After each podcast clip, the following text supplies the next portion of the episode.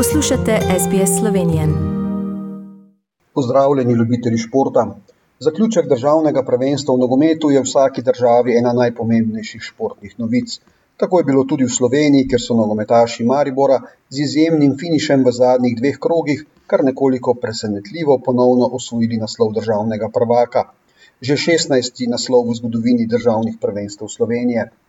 Še dva kroga pred koncem je kazalo drugače, saj je imel Koper odprta vrata do naslova, a so jim jo zagodli nogometaši Radomelj, ki so v predzadnjem krogu v gosteh premagali Koprčane, s čimer je izpuhtela njihova prednost pred vijoličastimi.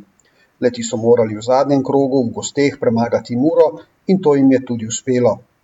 Koper se je moral zadovoljiti s pokalnim naslovom, na tretjem in četrtem mestu, ki še zagotavljata kvalifikacije v evropskih nogometnih pokalih, pa sta končala Olimpija in Mura. Iz prve lige se poslavlja zadnji aluminij Skidričevega, ki ga bo nadomestila Gorica. Tabor iz Sežane se kot predzadnji v prvi ligi v dodatnih kvalifikacijah miri s Triglavom iz Kranja za obstanek v prvi ligi. Nogometna igrišča pa sedaj ne bodo takoj počivala, saj naša reprezentanca začenja novo sezono tekmovanja v Ligi narodov, ter jo v juniju čakajo domači tekmi Švedsko in Srbijo, ter gostovanje na Norveškem ter v Srbiji. Sezono počasi končujejo košarkari.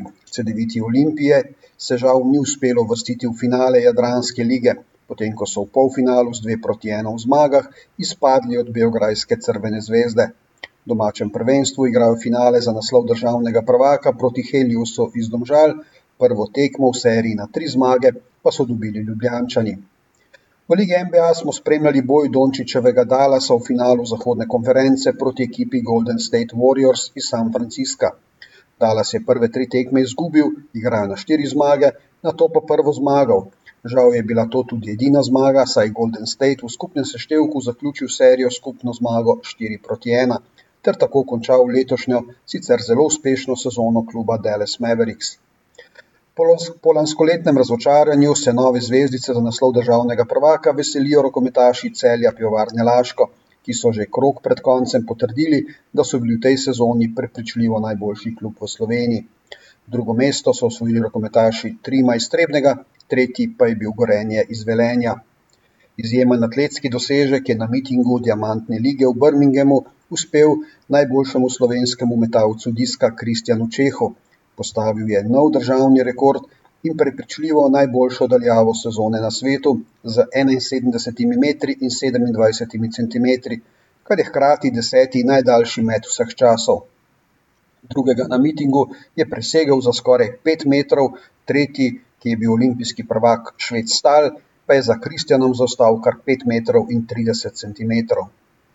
Dokaj uspešno pa se je za slovenski tenis začelo odprto prvenstvo Francije v Roland Garrosu. Aljaš Bedene, Tamara Zidanšek in Kaja Juvan so bili uspešni v prvem krogu, Bedene tudi v drugem, prav tako Zidanškova, ki se je med 32 najboljših uvrstila brez boja zaradi poškodbe tekmice.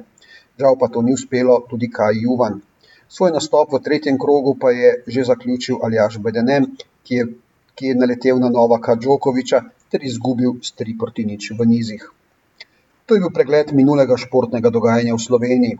Tudi tokrat sem ga za vas pripravil Tomaš Ambrožič, ki vas prav lepo pozdravljam. Všečkaj, deli, komentiraj. Spremljaj SBS Slovenijo na Facebooku.